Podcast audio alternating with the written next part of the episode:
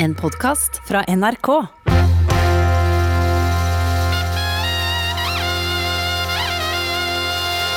Påskelabyrinten.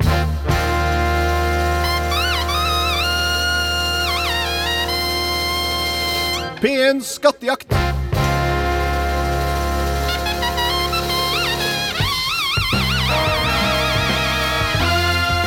God formiddag og hjertelig velkommen til den tredje etappen i årets påskelabyrint. Der vi altså omsider skal komme fram til en skatt.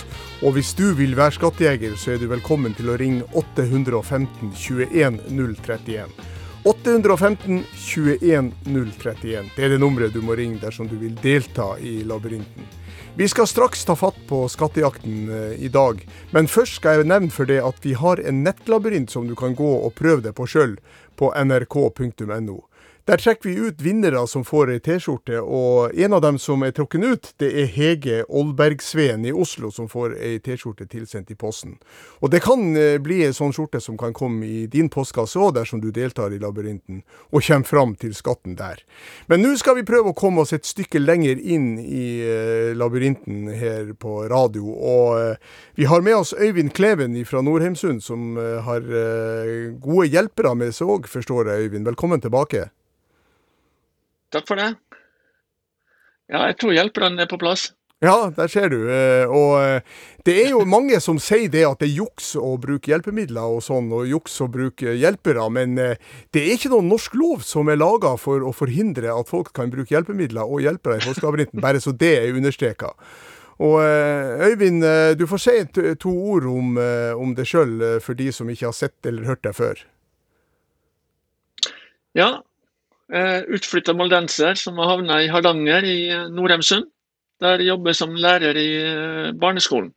Ja, og uh, vi, i går så stoppa vi egentlig opp på restaurant Skrøder i Oslo. og Dit kom vi takket være to moldensere.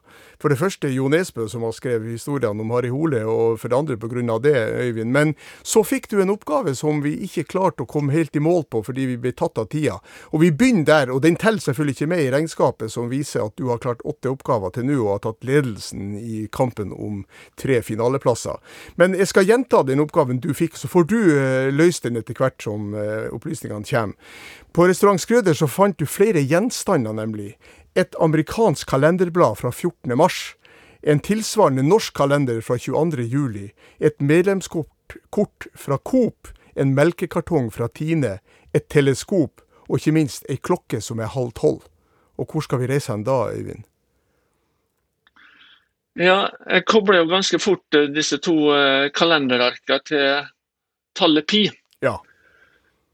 Eh, og så var det dette med Coop og Tine. Den eh, fant vi ut etter hvert. for Når andre firmaer bruker AS bak sitt navn, så bruker Coop SA. Ja. Og da, da ble det jo Pi og Sa. Det ble Pisa. ja, det blir det. Og det var det vi kom fram til. Ja, hva er teleskopet her, da? Kikket, ja, den, det har nok med Galileo Galilei å gjøre, fant vi ut. Ja. Han er født i Pisa, han var professor i Pisa, og han videreutvikla teleskopet så han bl.a. kunne se skygger på månen. Det var visst ingen som hadde sett før han. Nettopp. Og han var jo også representant for uh, det verdensbildet som sier at sola står i sentrum, i motsetning til det verdensbildet som han hadde hatt fram til Kopernikus uh, fastslo dette her, uh, nemlig at jorda sto i sentrum. Og, ja. Men hva var dette med klokka som er halv tolv? Nei, det veit jeg ikke, men eh, kanskje det har med skeive tårn å gjøre, at det står sånn på halv tolv? Ja, det var nettopp det som var tenkt. Når noe er sånn ja. på halv tolv, så er det ofte ting som er skeivt. Og ja. Eh, det er jo det skjeve tårnet i Pisa som jo mange har eh, kanskje både besøkt og, og, og lest om. Hva er egentlig det skjeve tårnet i Pisa? Hva slags funksjon har det?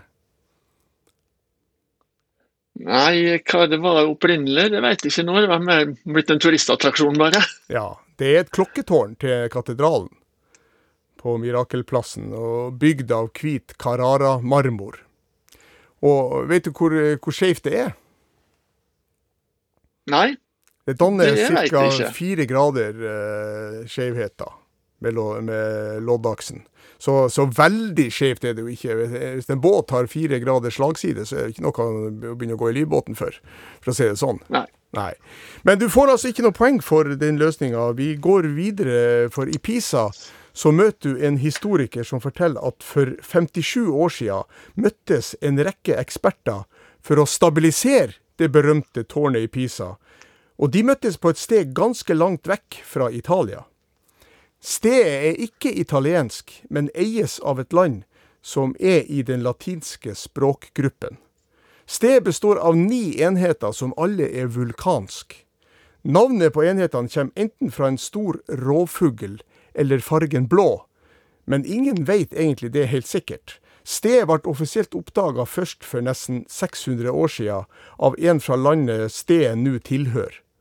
Og under andre verdenskrig så spilte det avgjørende rolle som base for alliert flyherredømme over det store området som det ligger i. Hvor skal vi reise nå?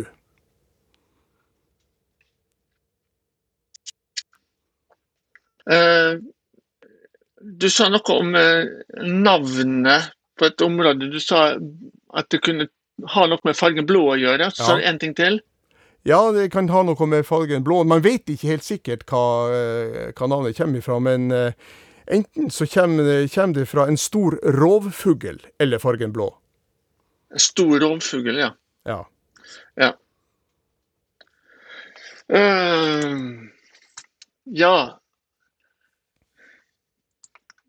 Eh, Den er litt usikker, men jeg har et forslag.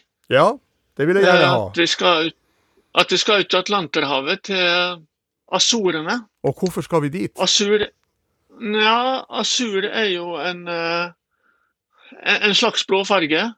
Ja. Og eh, jeg vil jo tro at når den ligger ute i Atlanterhavet, så ligger det kanskje på en Atlanter, Atlanterhavsryggen, som jo er et eh, kjent vulkansk område.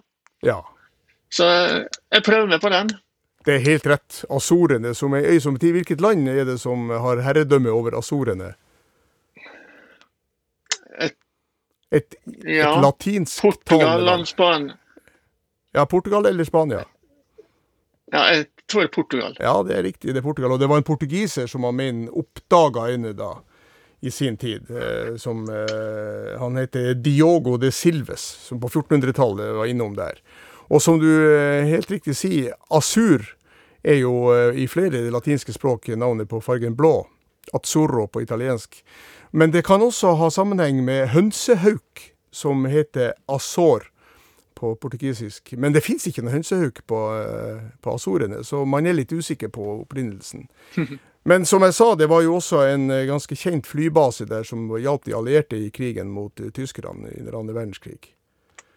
Og ligger altså, Ja, som du sa, i hvilket hav? Atlanterhavet. Atlanterhavet. Og på Azorene så får du se et klipp fra en video. Det viser ei pent kledd dame i 40-årene sammen med to småjenter og en smågutt, som får besøk av en mann i 60-årene som sitter i rullestol. Han gir henne ei bok av Kipling som handler om en gammel alv.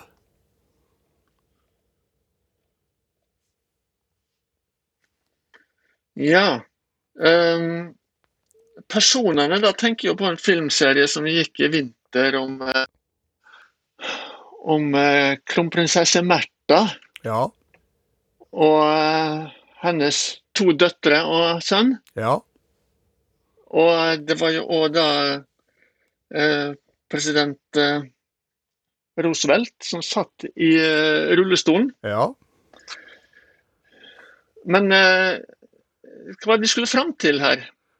Ja, det er jo det som er Det det var ikke der de bodde. Ja, det, det var ditt utsagn. Altså, han, eh, han presidenten gir da hun ei bok av Kipling som handler om en gammel alv. En gammel alv, ja.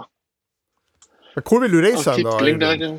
Hvis du holder fast ved det, det- første resonnementet ditt, hvor vil du reise hen? Vi må vel sannsynligvis over til Washington, vil jeg tro. Ja, nærmere bestemt. Skal du ha det mer presist enn det? Ja. ja. da prøv, spørs om vi skal prøve Det hvite hus, da, rett og slett. Du vil reise til Det hvite hus. Hvorfor vil du reise dit? Nei, det var jo der eh, jeg tenker at han eh, president Roosevelt holdt til. Ja, men vi reiser da altså til Ja, jeg vil prøve med Det hvite hus. God dag, kjære skattejeger. Dette er utenrikskorrespondent for NRK i Nord-Amerika, Veronica Westrin. Det er hyggelig å få besøk av deg her, men dessverre så har du havna på feil sted. Jeg skal hjelpe deg på hjemveien. God tur. Da skjønner du det at eh, Washington og Det hvite hus det var ikke riktig. Strengt tatt så skal vi altså ikke dit, Øyvind. Så reisa di nå så langt, den er slutt med ni eh, oppgaver som du har klart. Så får du følge ja. med på eh, hvor vi egentlig skal hen, for det at du har gitt i hvert fall neste skattejeger en ganske bra hjelp på veien. Og så får vi se om vi høres og ses i finalen på, på lørdag. Fortsatt god påske i alle tilfeller. Likeså. Og da skal vi til neste skattejeger, som er Roy Pedersen fra Tromsø opprinnelig. Men eh, jeg har forstått det sånn at du er på hytta på Senja, Roy. Velkommen i hvert fall. Takk, takk. Ja, jeg eh, starter iallfall påska på, på hytta her på Senja. Ja, Senja er jo stort, så du må jo fortelle litt nærmere bestemt hvor du er hen. Ja, ja jeg er vel på den fineste plassen på Senja, da. dvs. Si på Sør-Senja, Tranøy og helt bestemt så er det Refsnes. Ja, det kan vel jeg, kan, jeg, skal ikke kommentere Nå, nå er vi lokalkjent. Ja, men det er jo fint, det. Jeg skal ikke kommentere om det er den fineste plassen på Senja. Det er vel kanskje mange på nord, nordspissen og på yttersida som, som er, ikke er så enig med deg men sånn er det bestandig. Men si litt om det sjøl, Roy. Ja, jeg eh, begynner å eh, hva skal jeg si, jeg jobber i, eh, eller jobber i et selskap som heter Hurtigruten. Seiler på, har seilt på norskekysten og Svalbard og litt rundt omkring i verden. Og, og fineste plassen du kan seile, det må jeg si, den norskekysten. Ja, det vil jeg være enig med deg i. De som planlegger ferie i år, ta den i Norge. Men eh, hva slags funksjon har du om bord? Du, jeg har, jeg har, gått i alle, flere grader, fra styrmann og tjenestegjorde som kaptein før jeg begynte på kontoret og jobbe litt på land. Ja, vi har jo en veldig fin melodi som Åge Aleksandersen eh, har laga om dekksgutten som eh, drømmer om å bli kaptein. Hadde du den drømmen du kanskje når du var liten? Ja, jeg hadde nok det. Og sangen har jeg hørt mange ganger. Ja, det vil jeg tro. Eh, jeg må jo bare innrømme at når jeg var liten, så drømte jeg òg om å bli kaptein på Hurtigruta. Jeg lånte sangerhua til faren min som var hvit, så jeg har på hodet så jeg kunne være uh, offiserslue. Men det ble jo aldri kaptein på Hurtigruta, da. Og jeg husker godt at mora mi sa at, uh, spurte om hun skulle få lov til å være med da når jeg ble kaptein på Hurtigruta. og det, det spørsmålet skjønte jeg ikke, for selvfølgelig måtte jo mamma være med på Hurtigruta. Men du har klart å realisere den drømmen, og nå er det spørsmål om du klarer å realisere drømmen om å komme til finalen i Påskelabyrinten. For første spørsmål er jo hvor skal vi reise hen nå? Ja, det er, er jo mange ledetråder her. Og jeg håper jo også at jeg noen gode, trenger noen gode hjelpere her for å komme seg videre. Men uh, her er jo noen tråder som kom ut, og, og en av dem Rudyard Kipling. Ja. Uh, da kommer også Jungelboken inn. Ja. Og så spørs det om man er på, uh, om man er på eller er vi inne på Harvey Weinstein. Her, her, er flere tråder her som gjør at jeg, det, den her er ikke enkel. Men hvor vil du reise hen, da? Hva var det vi så, tror, så, på denne filmen som jeg beskrev for deg? Denne dama og denne mannen i rullestol og, og to småjenter og en smågutt? Jeg skal si, det er jo, det er jo Maud. Eh, med, med ungene. Eller um, Ja. Jeg skal si, Theodor Roosevelt er jo uten tvil. Eh, han var der. Eh, eller prinsesse Martha, beklager, ikke Maud, men prinsesse Martha, da. Ja. Da var ja. vi mer på plass. Ja. Og, så, og skal vi da reise til Martia Svanjert? Du vil reise til? Jeg, jeg tror vi, eh, vi prøver Marta Svanjert. Hei, gode skattejeger. Dette er Anders Magnus. Jeg er eh, NRKs korrespondent i Nord-Amerika. Det er alltid hyggelig med besøk i mitt område, men nå tror jeg dessverre du har havnet feil. Men det er ikke verre enn at jeg kan hjelpe deg til nærmeste flyplass, så du kommer deg trygt hjem igjen. God reise og god påske. Da skjønte du at Mathas Vinjard var det ikke. Og uh, det er litt mer åpenbart uh, det som den forrige skattejegeren uh, mm. følte, egentlig. Men det, men det, er kronprinsesse Märtha og de to prinsessene ja. og arveprins Harald mm. som, som, det er snakk om. Ja. Og det er Roosevelt, men ikke Theodor, som du sa, men hans navnebror. Nei. Franklin ja, Delaney. Franklin Roosevelt. Ja. Men vi sender ei T-skjorte til postadressen din i Tromsø, vi, eh, Roy, så får du ha en fortsatt god ferie på Senja. tusen hjertelig og fortsatt god påske. Takk for det. Og da er det jo Sigrid Rege Gårdsvold fra Oslo som er neste skattejeger. Velkommen, Sigrid. Takk for det. Du må også si noen ord om deg sjøl. Hvem er du, hvor gammel er du, og, og er du fra Oslo? Jeg kommer egentlig fra Sola i Rogaland. Jeg har bodd i Oslo i ja, et godt tiår nå. Jeg Bor her sammen med mann og barn. Jobber som kommunikasjonsrådgiver i Kirkerådet. Ja vel. Til vanlig. Ja. Mm -hmm. Og jeg har hørt på Påskelabyrinten opp gjennom årene, antagelig? Har hørt på Påskelabyrinten de, de, siste årene, mm, sammen med, sammen med quizlaget mitt. Ja vel, så du er også medlem av quizlag, da. Det har vi jo hørt om tidligere, at folk har deltatt med quizlaget i ryggen. Har du hjelpere med det? Det har jeg. Ja.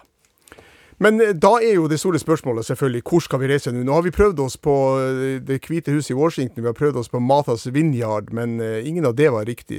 Så korrespondentene våre der borte, de har det travelt for tida. Ja, eh, jeg eh, Vi skal nok til Washington. Eh, og denne boka som Rudyard Kipling har skrevet om alven, det tror jeg er denne Puck of Pucks Hill. Ja. Og, og boka er jo eh, satt i, i, England, der Kipling vel var fra, tror jeg. Men, men det er et nabolag i Washington DC som heter Pucks Hill. Ja. Eh, så jeg tipper at sammenhengen her er sikkert at kronprinsesse Märtha og barna bodde i dette nabolaget, muligens. Det, det vet jeg ikke, men, men, jeg tror det er dit vi skal, til Pucks Hill Ja, i Washington DC. Det er helt rett, Sigrid. Men Washington DC er kanskje en liten bom, fordi at det ligger egentlig på høydedragene i Bethesda i Maryland. Du vet, Washington DC er relativt eh, lite geografisk område. Eh, Så eh, det ligger egentlig i staten Maryland, Bethesda-området, da. Men det var der Märtha og ungene bodde og fikk besøk av, eh, i hvert fall ifølge TV-serien, av Franklin Roosevelt, som satt i rullestol. Og det du sa om Rudyard Kipling, det er jo helt rett. Det er jo en sånn novellesamling fra tidlig på 1900-tallet som heter Puck of Pooks Hill, om den urgamle alven Puck. Og den eiendommen der fikk da det navnet der. Om det er tatt ifra Rødder Kipling, det vet jeg ikke, men jeg, jeg vil formode at det er det. Men du har så klart én oppgave, Sigrid, og vi iler videre inn i labyrinten. For eh, i USA så møter du, møter du ei norsk dame som forteller at hennes hjemby er den sørligste i sitt fylke, og kjent turistmål for mange. Ikke minst de som vil besøke nasjonalparken der nattergalen hekker. At den tiltrekker seg mange turister, kan også skyldes at nasjonalkunstneren omtalte den som perlen. En annen kunstner som har prega vår oppfatning av naturmytiske vesener, han vokste opp her og har fått sitt museum. Og han som skrev om han som forguda rettferdigheten, stifta en kristen dagsavis og ble arrestert av tyskerne, han var herfra. Og det samme var han med en fri tanke og som hadde båt som interesse. Fuglenavnet på kommunen er det samme som ei øy på den andre sida av den store fjorden, men forvanska av danskene, sier dama. Og hvor skal vi reise nå? Ohoi, her var det veldig mye informasjon. Um, men sørligste i sitt fylke um, Og Skal vi se um, Et fuglenavn som Ja. er forvanska. Ja. Det er sikkert ikke den mest fruktbare enden å begynne i. Um, Nei, jeg kanskje ikke. Jeg tenker på uh, Og så snakker du om en kunstner som har påvirka vårt bilde av naturmytiske vesener. Ja. Og da tenker jo jeg på Theodor Kittelsen. Ja. Det er liksom min første innskytelse. Ja, det er han. Uh, det er Theodor Kittelsen, ja. Så hvis jeg da hadde visst hvor han var ifra, så hadde vi jo eh, ligget godt an. Um, Skal vi se um, Vi er en nasjonalpark. Og nattergalen som hei Nattergalen hekker jo på Berkeley Hill, og det er et annet sted. Um, skal vi se um, En nasjonal Kittelsen var sørlending. Var han ikke det? Jo, det tror jeg. Um, nasjonalparker på Sørlandet. Hvor vil du reise hen, da? Altså, nasjonalparken Færder er nasjonalpark. Ja. Um, men vi skulle ikke til nasjonalparken, vi skulle til et stedsnavn. ja, vi skal til en by. En, eh, hjembyen til denne dama du møtte. Ja. Uh... Men mange turister tiltrekkes nasjonalparken der nattergalen hekker, som jo er i nærheten. ja. Uh... men jeg eh, Jeg klarer ikke Jeg klarer ikke ta hva, hva by det kan være, altså. Jeg må, jeg må melde pass der. Det, det klarer jeg ikke. Du melder pass. OK, men det er en ærlig sak, det. Vi sender uansett ei T-skjorte til Oslo som takk for at du var med som deltaker i Påskelabyrinten. Så får du ha en riktig fin påske i, i storbyen. Takk i like måte. Og mens vi eh, får på plass neste skattejeger, så påkaller mine gode venner i Sven Nyhus kvartett og lar de få lov til å spille den eh, eldgamle polskaen som jeg har laga en liten vri på.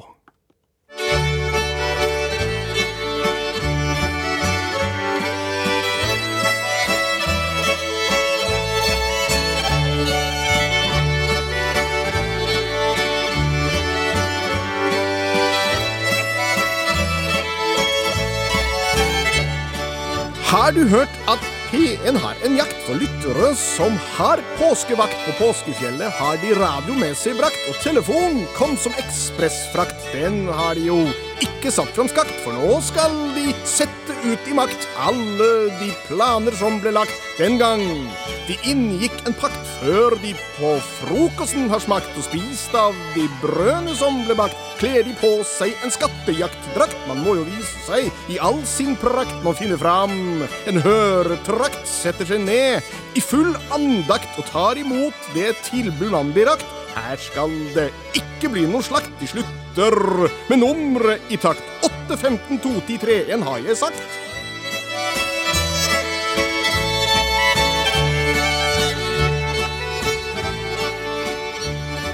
815 21 031 er altså det telefonnummeret du må ringe dersom du vil delta i Påskelabyrinten. Og det nummeret det har han Roger Hedstrøm i Glomfjord ringt for lenge siden. Du har venta ganske lenge Roger på å slippe til, men nå er det din tur. Velkommen. Ja, ja. Hei, hei, og god påske. Ja, god påske. Ja, jeg venta i to dager, tror jeg. Ja, se der. Men nå får du endelig slippe til. Og uh, si noen ord om, det- om det sjøl. Du bor jo i et uh, gammelt industristed i Nordland, vet jeg. Ja da, jeg bor i Glomfjord. Jeg har gjort det i si, 83. Jobba som elektriker, prosessoperatør, brannmann, og nå jobber jeg som elektriker i kommunen. Og nå er jeg på hytta mi, hjemplassen min på Storslessa i Hestmannøy. En perle på Helgelandskysten, selvfølgelig. Ja, det er mange perler på Helgelandskysten, det må vi vel og Du er på en av de. Men spørsmålet er hvor skal vi reise, hvilken perle skal vi til nå? For den ble jo omtalt nettopp som det av nasjonalkunstneren, at dette var selve perlen. Eh, jeg vet ikke om vi skal til Tromøya eller til Arendal. Kan det stemme? Jeg vet ikke. Ja, du må foreslå hvor du vil reise. Du vil Ja, hvis vi skal til en by, så Ja, hvis vi skal til byen, så blir det jo Arendal. så du vil reise til Arendal. Jeg Trom... Ja, det er jo Trom... er eller Arendal. Hvis det er Perla, så er det jo antageligvis Jeg vet ikke. Jeg går for Arendal. Ja, det er den eneste byen der man har et, eh, et eh, instrument som begynner på ø. Det er det man erta arendalittene med, nemlig øgel. Men det var feil. Det var nok ikke? Arendal, ja. Det var som F. ja. Og eh, det med Sørlandet, det tror jeg vi skal eh, parkere. Det er mange, eh, mange byer som fortjener kanskje betegnelsen sørlandsby, men de må jo nødvendigvis da ligge i Agder. Og det gjør ikke det stedet her. Så du reiste nok feil, eh, Roger, men vi sender jo eh, ei T-skjorte til, til Glomfjorden som takk for at du var med. Yes, yes. Takk, takk, og god, god påske videre. Takk i like måte. Riktig god påske til deg òg. Neste mann er William Sæbø fra Oslo. Velkommen, William. Ja. Hei. Du har et usedvanlig flott navn. Jo, takk. Kongelig på alle måter, og det heter samme som et av barnebarna mine. Men eh, fortell litt om deg sjøl, William. Hva driver du på med i Oslo? Nei, jeg er utdanna innenfor IT og søker litt jobb akkurat nå. Så Så du er IT-ekspert? Ja, det vil jeg jo si, da. ja, ja, ja, ja, ikke vær beskjeden. Men så er det store spørsmålet om du kan klare å nøste opp alle disse trådene du har fått om denne byen vi skal til, som er da omtalt av nasjonalkunstneren som eh, perlen blant kystbyene. Ja, nei, altså Nattergalen er jo uansett en trekkfugl, så det skal i hvert fall ikke til Innlandet. Um, nei. Og den sørligste byen i et fylke som har en nasjonalpark i nærheten, er vel Kragerø i Vestfold og Telemark. Og det er vel eh, Ja, det er, det jo nesten Sørlandet, men som sier, det ligger i Agder, så da tror jeg vi drar til Kragerø. Det er helt riktig. Det er Kragerø som er riktig reisemål. Og da vet du også hvor Theodor Kittelsen, som ble nevnt her tidligere, eh, er fra. Ja, han er jo fra Kragerø, da. Ja, men hvem var det som uh, omtalte den med den, frie tanke, og som har båt som interesse? Oi, det er litt båt, da. Har du fått mm. deg båt i år? Ba, da, da, da, da, da. Eller din tanke Nei, er, er, fri? Ja, ja, det er jo Hvem er det som sang den sangen? Det er jo det er jo en tysk folkemelodi, egentlig, men hvem som har den på norsk, det er jo Eller hvem som hadde den på norsk, det er jeg litt usikker på, men Det er Alf Kranner. Ja, og han forbinder vi også med, med Kragerø. Han skrev teksten både til 'Båt til lyst' og 'Din tanke er fri', som du helt riktig sa er jo er opprinnelig en tysk eh, sang. Men han laga den, gjorde den kjent. Og, og det er da Hvilken nasjonalpark er det som Nattergalen hekker i, som ligger utenfor Kragerø? Ja, det er jo Jomfruland, da. Det er Jomfruland, ja. Helt rett. Da reiser vi til Kragerø. Og i Kragerø så møter du uh, ei dame som gir deg en gammeldags karbidløkt som det står Unesco på. Så får du en pilspiss, et bilde av Ulrikke Brandstorp i kostyme som rekker tunge til det, og en MP3-spiller, og hva gjør du da? Jeg må bare høre på den, da. Johanna klydde seg på leggen igjen svært lenge denne gangen. Arm betyr fattige, sa hun da kløinga begynte å virke på fantasien. Men når det er vanskelige spørsmål som vi ikke har selvstendig kompetanse på i direktoratet, så innhenter jo vi da eh, ekspertuttalelser om slike ting. Både for befolkningen og for de politiske beslutningstagere det var for at jeg vokste opp i blokk, jeg vokste opp i flokke. Mm -hmm. For i blokkmiljøet den gangen så var det, det var unger i alle leilighetene. Og jeg var ikke noe flink å slåss. Jeg var ikke noe flink å bite og klype og sånn. Og jeg sprang ikke noe fort. Du måtte liksom ha en forskjell. da. Mm. Og da fant jeg ut at det var kjeften. Hør, snur du ryggen til mennesker, blir de til lyder og støy og hoste. Hender i arbeid, kropper i krig.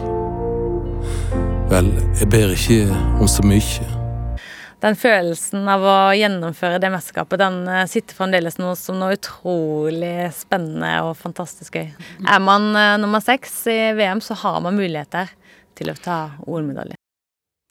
Ja, William Sæbø i Oslo, hvor skal vi reise nå? Ja, dette her var jo mye um Oi, dette her var jo veldig mye opplysninger. Det var jo noe direktorat og uh, Unesco og uh, veldig mye sånn forskjellig, da. Uh, Kjente du igjen noen av disse stemmene du hørte? Jeg må innrømme at det gjorde jeg egentlig ikke, men skal vi se Litt sånn Unesco, da. Det er jo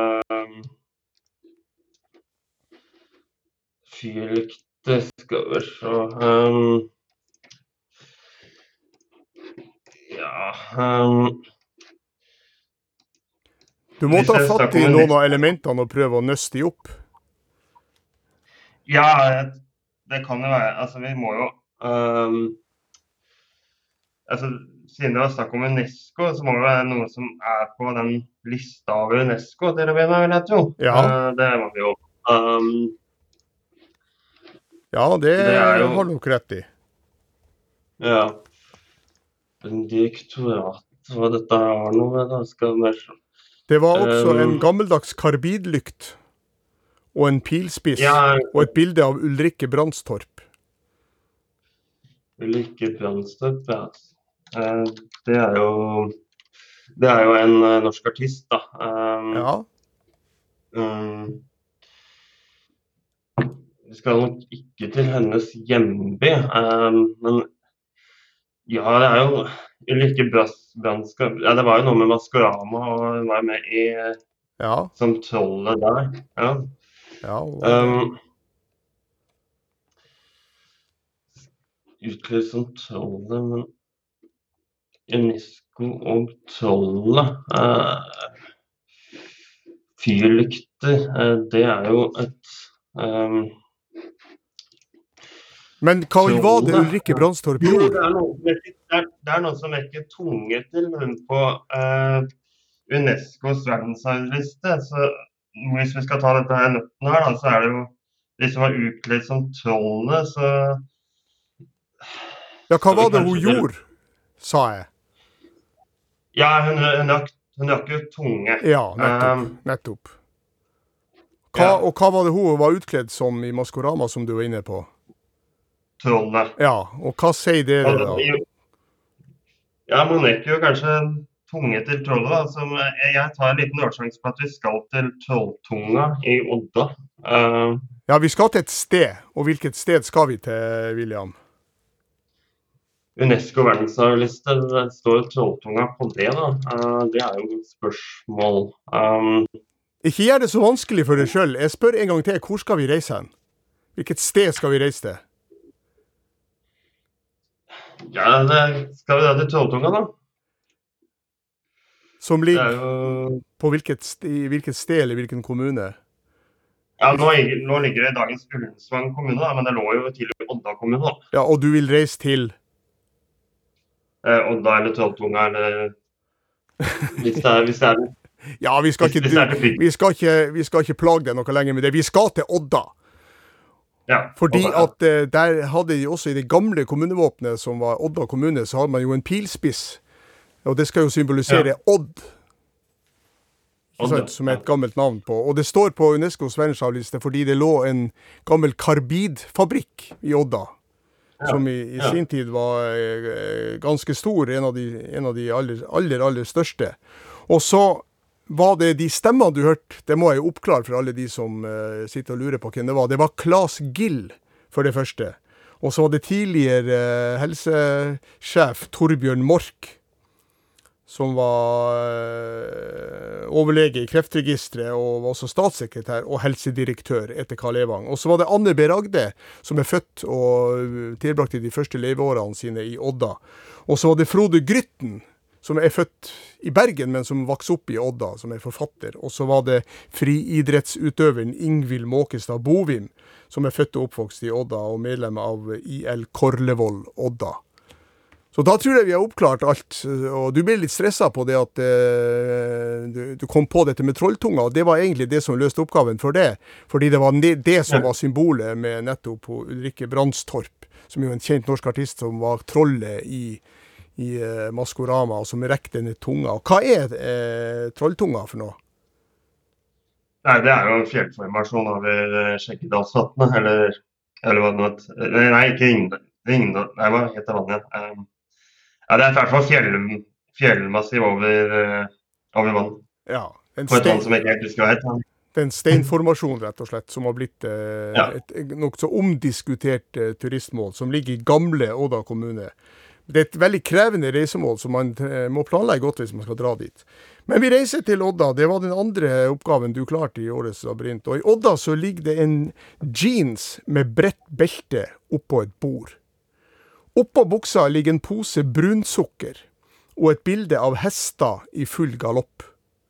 Et annet bilde viser ei dame ved navn Molly som drar ei vogn full av levende sjømat. Og på vogna er det malt et flagg som minner om det skotske, men fargene er rød og hvit. En smarttelefon viser klipp fra filmen Forrest Gump med en karakteristisk sang når hovedpersonen kjøper en rekebåt. Hvor skal vi reise nå? Ja, Forest Forrest Gump, det var jo Vietnamkrigen, men Vietnam sin flagg, det er i hvert fall ikke Det minner i hvert fall ikke om det skotske, eh, så vidt jeg har skjønt. da. Um, um, Nei, det er nok riktig, så jeg skal ikke dit. Um, Hvem er hun Molly som drar ei vogn full av levende sjømat? oi, Molly som levende sjømat, ja, det er jo ganske godt spørsmål, egentlig. Um, Det ga ikke noen umiddelbare assosiasjoner til det, skjønner jeg. Men det var altså også en jeans med et bredt belte oppå, og oppå buksa ligger det en pose brunsukker og et bilde av hester i full galopp. Får du noen assosiasjoner ja, til det? Brunsukker, det er jo um, så Da må vi i hvert fall kanskje til kaiben, vil jeg tro, hvis det er hester.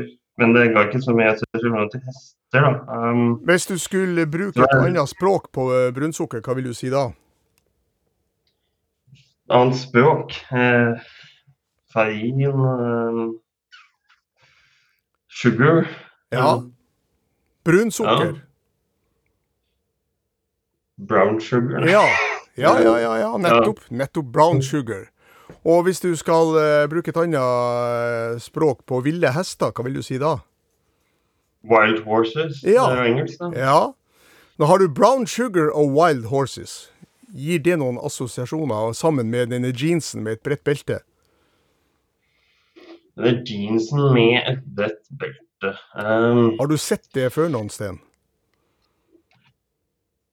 ikke det, altså, men jeg jeg får noen politisk skille med at denne Molly er vel Molly Malone. Ja. Ja. Hva var det hun drev på med? Molly Malone er jo en uh, uh, Det er jo en sang, da.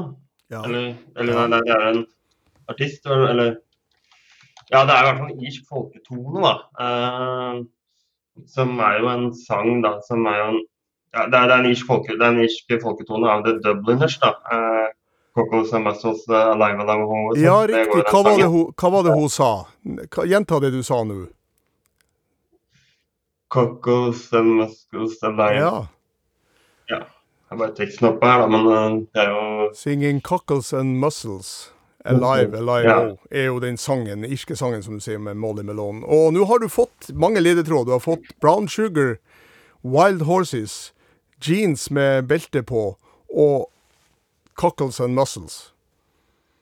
Og så i tillegg har du Forrest Gump, som da eh, var en karakteristisk sang når han kjøpte en rekebåt. Det er jo um, Denne jeansen Ja, nei, men denne jeansen har noe sånn politisk for...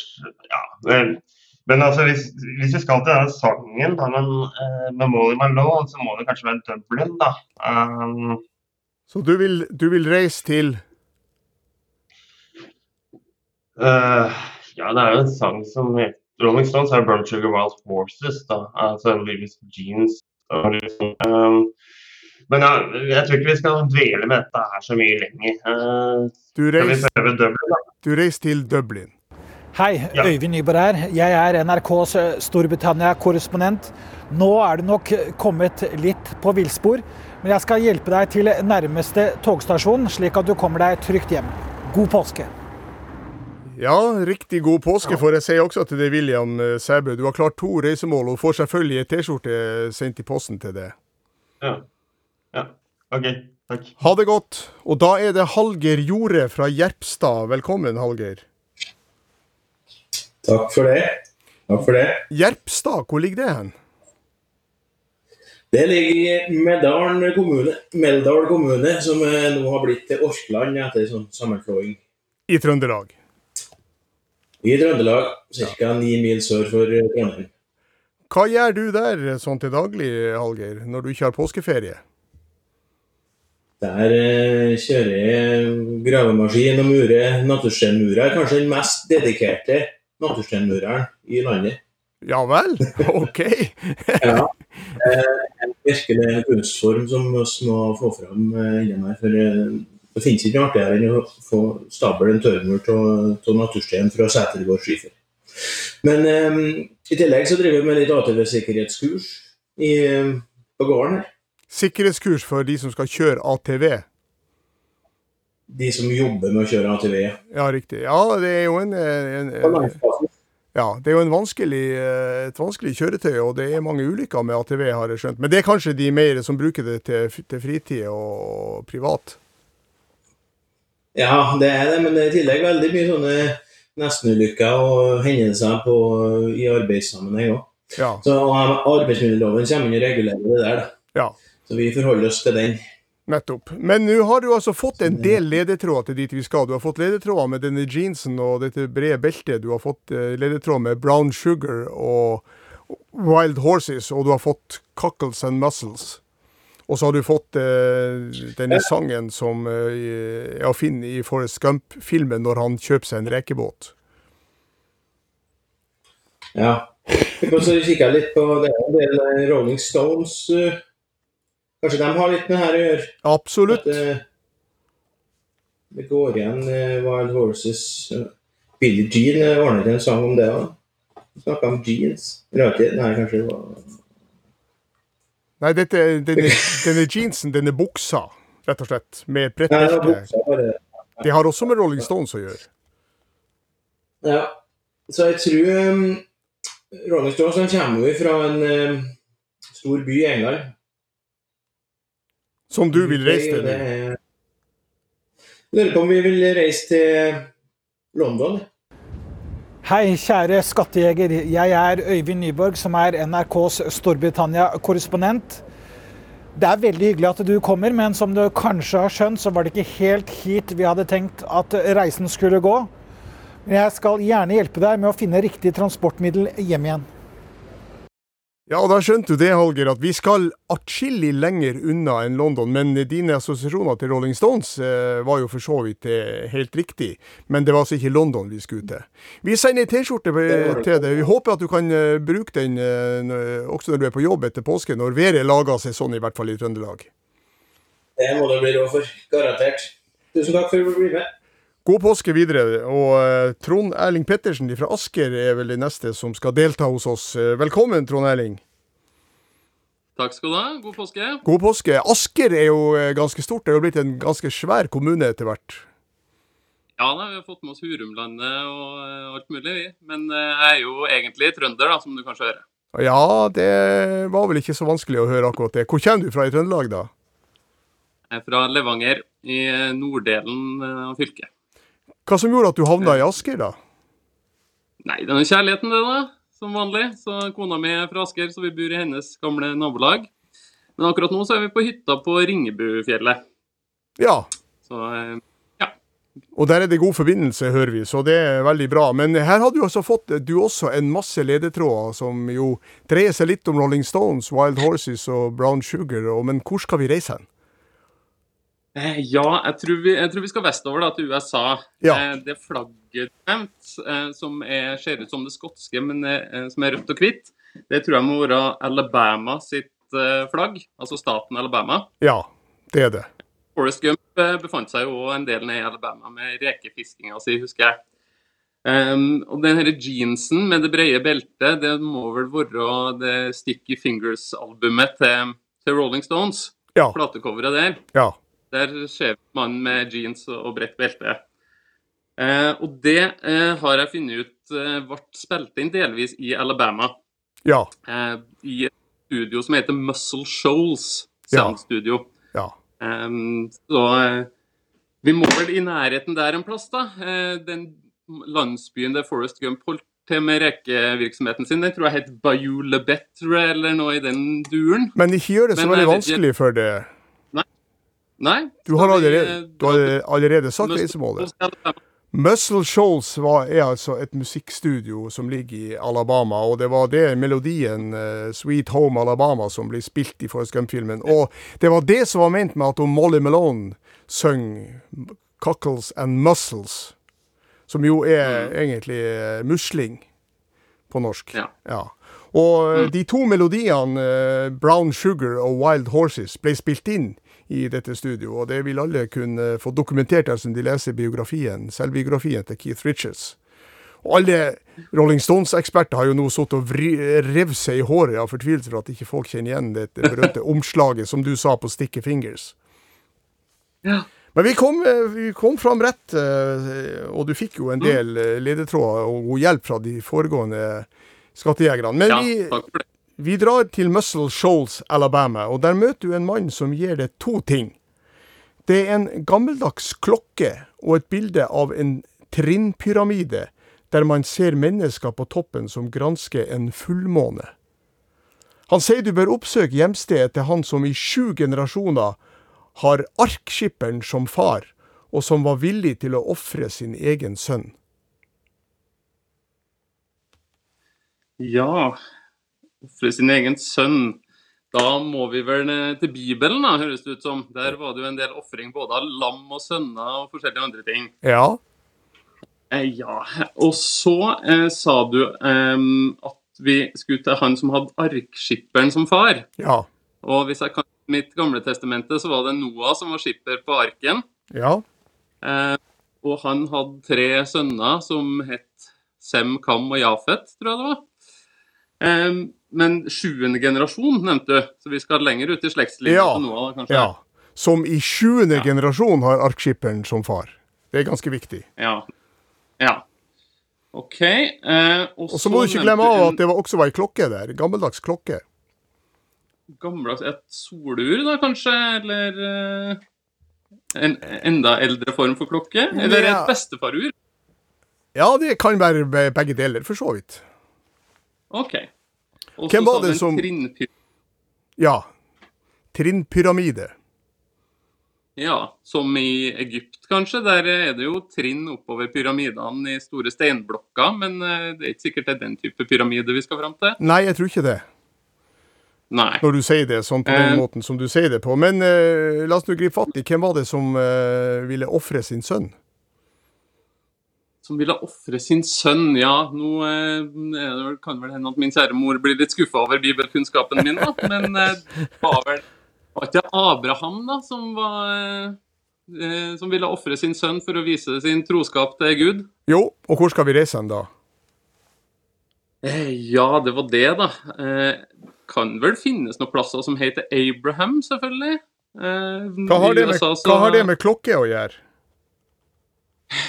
Det var det, da. Og pyramide? Um, og pyramide. Ja, pyramider, det er naturlig å tenke på Egypt, men så sa du at det ikke var den type pyramider vi skulle til. Nei. Nei. Um, hva slags andre typer pyramider? Vi har jo fjell, da, som uh, ser ut som pyramider. Det er, en, det er det er en pyramide der folk på toppen gransker en fullmåne med trappetrinn. Og det finnes pyra, pyramider Hvil- Hvilke andre plasser finnes det pyramider? Eh, det fins jo Sør-Amerika, i Mexico og eh, Hva har det med Abraham steder. å gjøre? Nei, det var det, da. Eh, når jeg tenker på Abraham og Amerika, så tenker jeg på Abraham Lincoln, selvfølgelig. Men um, han holdt jo til i Nord-Amerika, ikke i Sør-Amerika. Ja. Men du nevnte eh, altså, ei gammeldags klokke og en Ja. Og noen mennesker som sto på toppen av den pyramiden, var det du sa? Ja, og granska fullmånen. Ja. Og granska fullmånen. Um, veldig gammeldags klokke kan man jo kalle et ur. Ja, det kan vi. Og heter det er vel en plass i Bibelen som heter ur. Ja. Så du vil reise reise da til på Er vi får reise til Ur, da? Ja, vi skal det, og det er nemlig den byen som var Abrahams hjemby etter eh, Det gamle testamentet. Og Abraham ville jo ofre sin sønn Isak, men eh, for Ja. å vise sin eh, trofasthet mot Gud, men blir jo stoppa da i siste liten. For, på, for å foreta den. Og han er i sjuende generasjon eh, etterkommer etter Noah, som du sa, som var arkskipper. Og, Ja. og eh, vet du hvor Ur ligger hen? Nei, det må nå være i eh, Israel, Libanon, Syria, borti der en plass? Ja, for ikke å si Irak.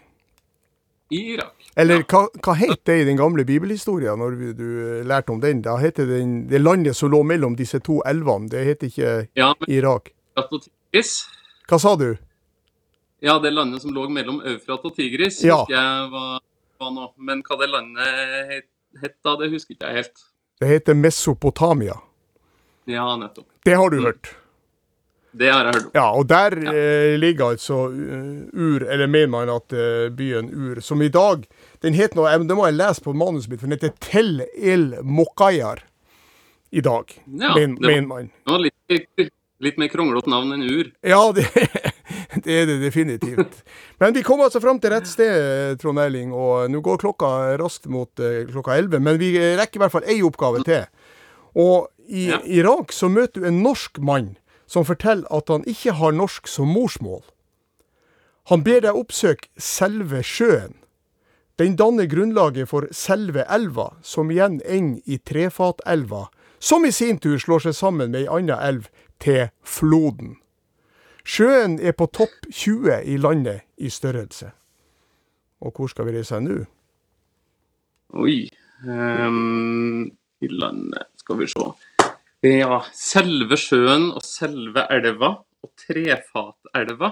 Ja. Så det er nok navnet på de her sjøene og elvene, vil jeg tro, men på et Ja. annet språk Ja. enn vårt, for han sa han norsk som morsmål. Um, Helt riktig. Og du sa, du sa det vi skulle reise til, var selve sjøen. Det er det som er reisemålet vårt. Ja. Ja. Men der ut fra selve sjøen så eh, renner selve elva ut. Ja. ja. Og, og den slår seg sammen med Trefatelva. ja. Som igjen, sammen med ei anna elv, danner Floden. Danner floden. Hvilken eh, kant av verden vil du reise til? Nei, det, det er jo elver overalt, da. Det er jo store sjøer og store elver i eh, Nord-Amerika og i Europa og i Asia, så det Men- kan jo være Men dette er en norsk mann som ikke har norsk som morsmål. Ja. Hva slags eh, Eh, språk tror du han snakker? Eh, Da snakker han vel kanskje samisk, Ja. hvis han Ja. er norsk. Ja, Ja, ja, ja. Absolutt. Ja. Og da mm, skal vi til Norge, men vi skal kanskje til noen sjøer og elver som har navn på samisk, Ja. høres det ut som. Yep. Ja, det var synd jeg ikke synd jeg ikke leste meg opp på samiske navn på elver og sjøer i forkant, da, men eh, det høres ut som vi skal til Finnmark, som vi som regel skal i løpet av eh, påskelabyrinten. Ja. ja, det har du helt rett i. Du har helt rett i det. ja. ja, det er vel fast takst, det? Hvert Det er fast takst. Ja, absolutt. Av hensyn til befolkninga der, så har jeg alltid med det. Respekten for dem. Men vil du foreslå en sjø som vi skal reise til? Nei, da må jeg vel nesten finne fram en NAF veibok fra 1998 da, som jeg har tilgjengelig som hjelpemiddel Absolutt. på, på hytta. Absolutt. Eh, sjø på samisk, er det det som heter javri? Ja. Jauri. Ja, så det må være noe Jauri. Ja, Jauri, Så det må være noe ja. som slutter på jauri, da. ja. Eh, og, og elv heter vel noe med jokka, ikke det? Anarjokka videre. Jokka, ja. Det er det som betyr elv. Ja. Jokka. ja. Jokka. Så jauri Mm. Ja de, altså Det er massevis av elver kjente elver. Du har Karasjokka, og du har Tanaelva og massevis av elver i, i Finnmark. Når du nevner to som på samisk heter som jeg prøvde å oversette deg i sted. OK. Eh, Karasjokka det som er trefat. Ja. Jokka. Karasjok. Ja. Men Eh, sjøen vi skal fram til, hva heter den? Ja, nei, der, eh, det er jeg jammen ikke sikker på, altså. Um, Nå har du bare et halvt minutt på deg til å komme til eh, forslag til et svar. Ja. Tana er jo ei lang eh, elv. Eh, er det det som har noe med, med selve elva å gjøre, da? Eller nei, det er floden, det. Tana Ja. er floden. ja. Dietno betyr floden. OK, da får vi se. Og den danner sammen med Karasjok. Eller den slår seg sammen med Karasjok. Ja, jeg tror faktisk at vi må stoppe eh, det hele nå. Nei, vent da. Ikke IS-Jauri, men uh... Du får være med Du får være med i morgen, skjønner du, eh, Trond Erling. For Hvis du nå svarer feil, så er du ute av eh, konkurransen. Vi tar deg inn som skattejeger også i morgen, så får vi se om du kommer eh, fram riktig. Og så får du ikke poeng for den oppgaven som ligger over, men du får poeng for de eventuelt neste du måtte løse. Takk for at du var med så langt, så høres vi i morgen. Og da må jeg fortelle at Gudbjørn Bondhus er teknisk ansvarlig for Påskelabyrinten. Eivind Motland eh, produserer sin ellevte sending i Påskelabyrintens rekke akkurat nå. Og vi er tilbake med ei ny sending i morgen på 1. april og skjærtorsdag. Takk for nå.